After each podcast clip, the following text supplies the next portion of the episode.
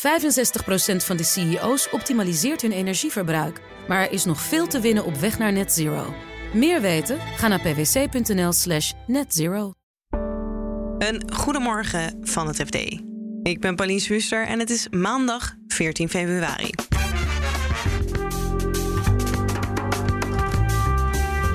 In coronatijd is de handel op het verdomhoekje van de Amsterdamse beurs, de lokale markt, ontploft. Die zijn toch een beetje het, het lelijke neefje een beetje geweest al die tijd op Euronext. En die kunnen ook uh, waarde vertegenwoordigen. En de metalen die we nodig hebben voor de energietransitie worden veel duurder en ze worden grotendeels buiten Europa gewonnen.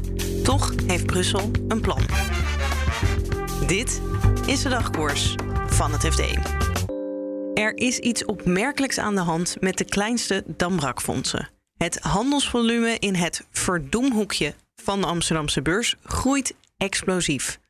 Blijkt uit een analyse van beursredacteur Sonny Motke. Op die lokale markt van eh, de Amsterdamse beurs vind je een breed palet aan leuke fondsen. Dat kunnen lege beurshulzen zijn. Dat Ja. kunnen eh, internationale bedrijven zijn die nog vrij nieuw op de beurs zijn, nog niet zijn doorgebroken naar de hoogste regionen. Dus die handel moet dan nog op gang komen. Ja. En je hebt ook eh, obscure bedrijven waarvan er niet heel veel vrij verhandelbare aandelen zijn. En waar maar ja, alleen een, echte specialisten in zitten. De mensen die houden van de obscure bedrijven waar wat mis mee is. Laat ik het zo netjes verwoorden. En nu groeit deze lokale markt dus. Eh, hoeveel groeit het? Hoe explosief is het? We hebben 30 fondsen gepakt van die Mhm. lokale markt.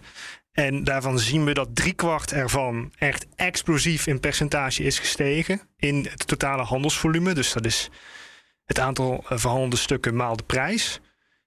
Sommige daarvan gaan echt eh, meer dan vertienvoudigd. En in totaal, die 30 fondsen bij elkaar, is het ongeveer eh, een stijging van 85% uit mijn hoofd. En dan kom je op een totaalwaarde van meer dan 6 miljard is nog steeds minder dan in het geld, in het geldelijke eh, uitdrukking, nog steeds minder dan bijvoorbeeld de small cap index. Maar de stijging is wel opmerkelijk. Ja.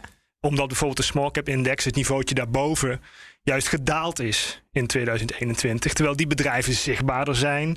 Ze staan in index, ze worden gevolgd door analisten.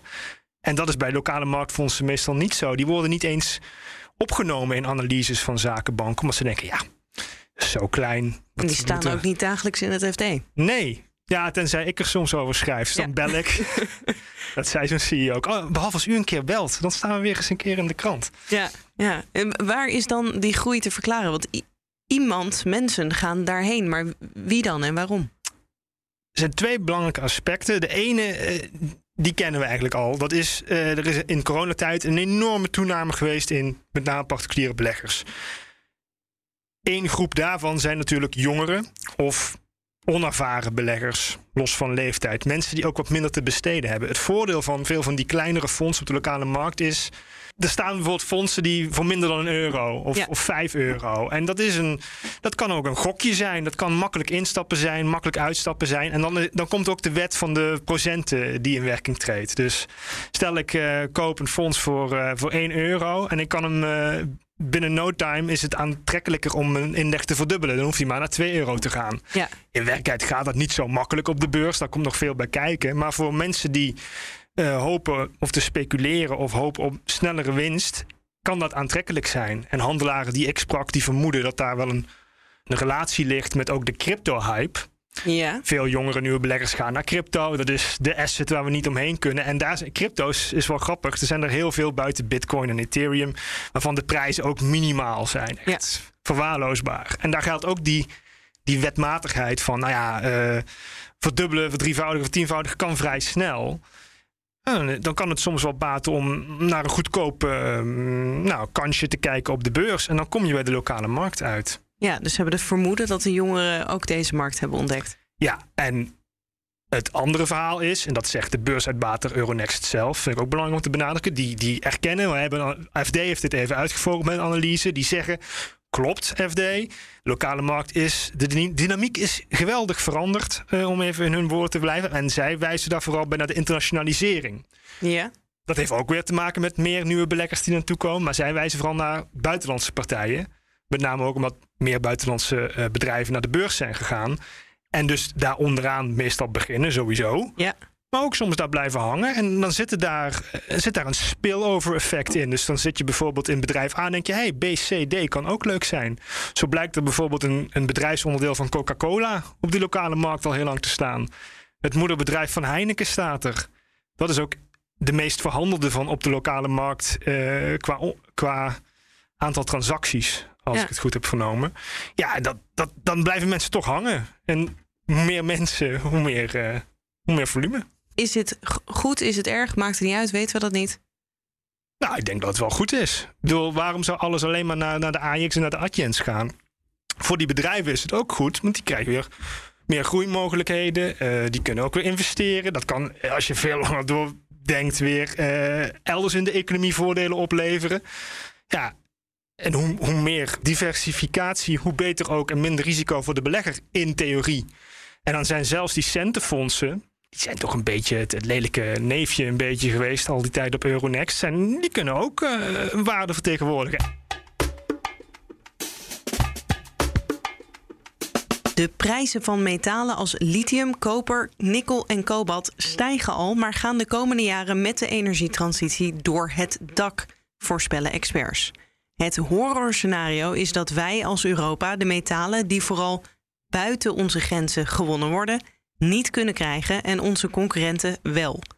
Europa-verslaggever Han-Dirk Hekking vertelt over het plan dat er ligt om dat te voorkomen. Je moet je voorstellen dat uh, de Verenigde Staten en China hebben eigenlijk al langere soort strategie om, om kritische of eigenlijk cruciale grondstoffen om daar een betere greep op te krijgen, zodat ze, hun industrie daarvan verzekerd is van de aanvoer daarvan. Uh, in 2020 heeft de Europese Commissie eigenlijk ook een uh, actieplan daarvoor uh, gelanceerd. Daar zijn we ja. dus later mee dan China en, en de Verenigde Staten. En, en, dat plan bestaat er eigenlijk vooral uit dat we in eerste instantie moeten bedenken wat voor grondstoffen we eigenlijk nodig hebben. Dat zijn er nu 30. Ze hebben ooit, hebben ze al een keer eerder zo'n zo lijst uh, zeg maar, eigenlijk gelanceerd. Uh, voor eigenlijk het eerste decennium van deze eeuw zelfs al. Maar toen stonden er maar 14 van dat soort grondstoffen op. Ja. Dus je ziet ook dat de urgentie eigenlijk gewoon steeds meer toeneemt. Want het aantal kritische of cruciale stoffen neemt ook gewoon toe. Waar worden die gewonnen? Is dat in Europa of buiten ons? Dat is eigenlijk vooral buiten ons. Kijk, Europa is wat betreft het winnen van grondstoffen een stuk minder groot uh, dan bijvoorbeeld uh, als je kijkt naar Australië of, of Chili bijvoorbeeld. Chili komt uh, veel lithium vandaan, ook veel Ja. koper vandaan. Wij winnen in Europa wel wat koper, maar echt als je kijkt naar de verwachte koper behoefte, explosie, Ja. is dat echt veel te weinig. Ja. Ja. Lithium winnen we amper in Europa. Daar zijn we allemaal plannen voor, mijnen enzovoort. Maar die mijnen stuiten vaak op milieubezwaren.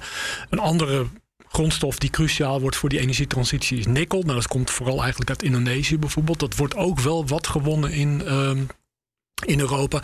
En dan heb je nog kobalt, cruciaal bijvoorbeeld ook voor mobiele telefoons, nu al, maar ook Ja. gewoon voor de energietransitie van belang. Dat komt eigenlijk voor 68% als je naar de Europese behoefte kijkt. Die 68% wordt eigenlijk gedekt door de Democratische Republiek Congo. Dus is dan het plan van Europa uiteindelijk om hier meer te gaan winnen of om waar ze het al winnen om dat binnen te halen? Ze willen eigenlijk proberen eh, in Brussel om, eh, als er gewonnen kan worden in Europa, om dat dan te faciliteren. Ja. Maar dat moet dan wel zeg maar, allemaal eh, voldoen aan goede milieuregels. Ja. Maar goed, hè, er moet inderdaad geïdentificeerd worden waar potentiële bronnen zijn. Daar moet ook gewoon steun voor komen, voor onderzoek bijvoorbeeld enzovoort. exploratie van dat soort maar, reserves. Ja. En tweeërlei is eigenlijk dat in dat actieplan van 2020 ook staat van dat de Europese Unie ook gewoon strategische partnerschappen voor, groot, voor grondstoffen moet aangaan. En dat is eigenlijk dan, hè, zeg je dan in feite van nou weet je, we weten dat we eigenlijk zwak zijn hè, bij het aan, eh, aantrekken van dat soort grondstoffen. En we weten dat we het van elders eh, vandaan moeten halen. Maar wat we dan gaan doen, we gaan eigenlijk proberen om de banden met de herkomstlanden eh, van die metalen en die van die grondstoffen, die gaan we verbeteren. Zodat we zeker zijn dat zij vrienden met ons zijn als we meer van die rommel nodig hebben. Ja, en is dat dan vrienden worden of ook geld geven om vrienden te worden? Als er bijvoorbeeld gekeken wordt naar eh, de, de, ja, de ontwikkeling van een productieketen voor batterijen voor elektrische auto's. Ja. Dan zegt Europa bijvoorbeeld van we hebben zelf een Europese batterijalliantie heet dat. Dat is een soort samenwerkingsverband van, van eh, fabrikanten plus zeg maar, de EU, waar heel veel Europees onderzoeksgeld eh, naartoe gaat. Om dan batterijen in Europa te gaan produceren. Maar wij zeggen dan eigenlijk tegen herkomstlanden, bijvoorbeeld in dit geval Oekraïne, hè, waar we een strategisch partnerschap mee hebben afgesloten vorig jaar. Daar zeggen we tegen van weet je. Wij hebben hier gewoon een hele pot met eh, onderzoeksgeld liggen. Daar kunnen jullie eventueel ook een beroep op doen. Ja, en nou komen we bij Oekraïne. Ja, er is natuurlijk veel te doen rondom het land nu. loopt dan ons strategisch partnerschap of de winning van die metalen daar ook gevaar? Nou ja, kijk, zover zijn we eigenlijk nog niet. Hè. De meeste van die strategische grondstoffen komen nu eigenlijk van buiten Europa. Ja. maar wij hebben bedacht. We wisten natuurlijk dat Oekraïne op dat vlak heel erg belangrijk was. Uh, dat maakt eigenlijk zeg maar, dat conflict uh, zeg maar, uh, des te pregnanter. Want ja, vicevoorzitter Sefcovic van de Europese Commissie heeft vorig jaar bijvoorbeeld in een speech gezegd, onderstreept van waarom, waarom wil Europa nou zo graag een strategisch partnerschap op basis van grondstoffen met Oekraïne? Dat is omdat als je die lijst van 30 grondstoffen heeft, ja, 21 van dat soort stoffen. Die, komen, die zijn beschikbaar in Oekraïne. Die kan Oekraïne dus winnen en eventueel ook uitvoeren naar de EU.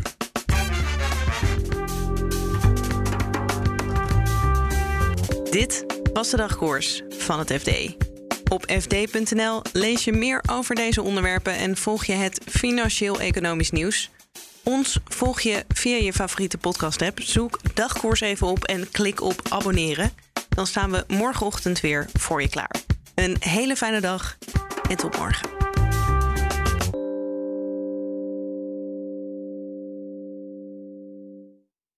65% van de CEO's optimaliseert hun energieverbruik. Maar er is nog veel te winnen op weg naar net zero. Meer weten? Ga naar pwc.nl/slash netzero.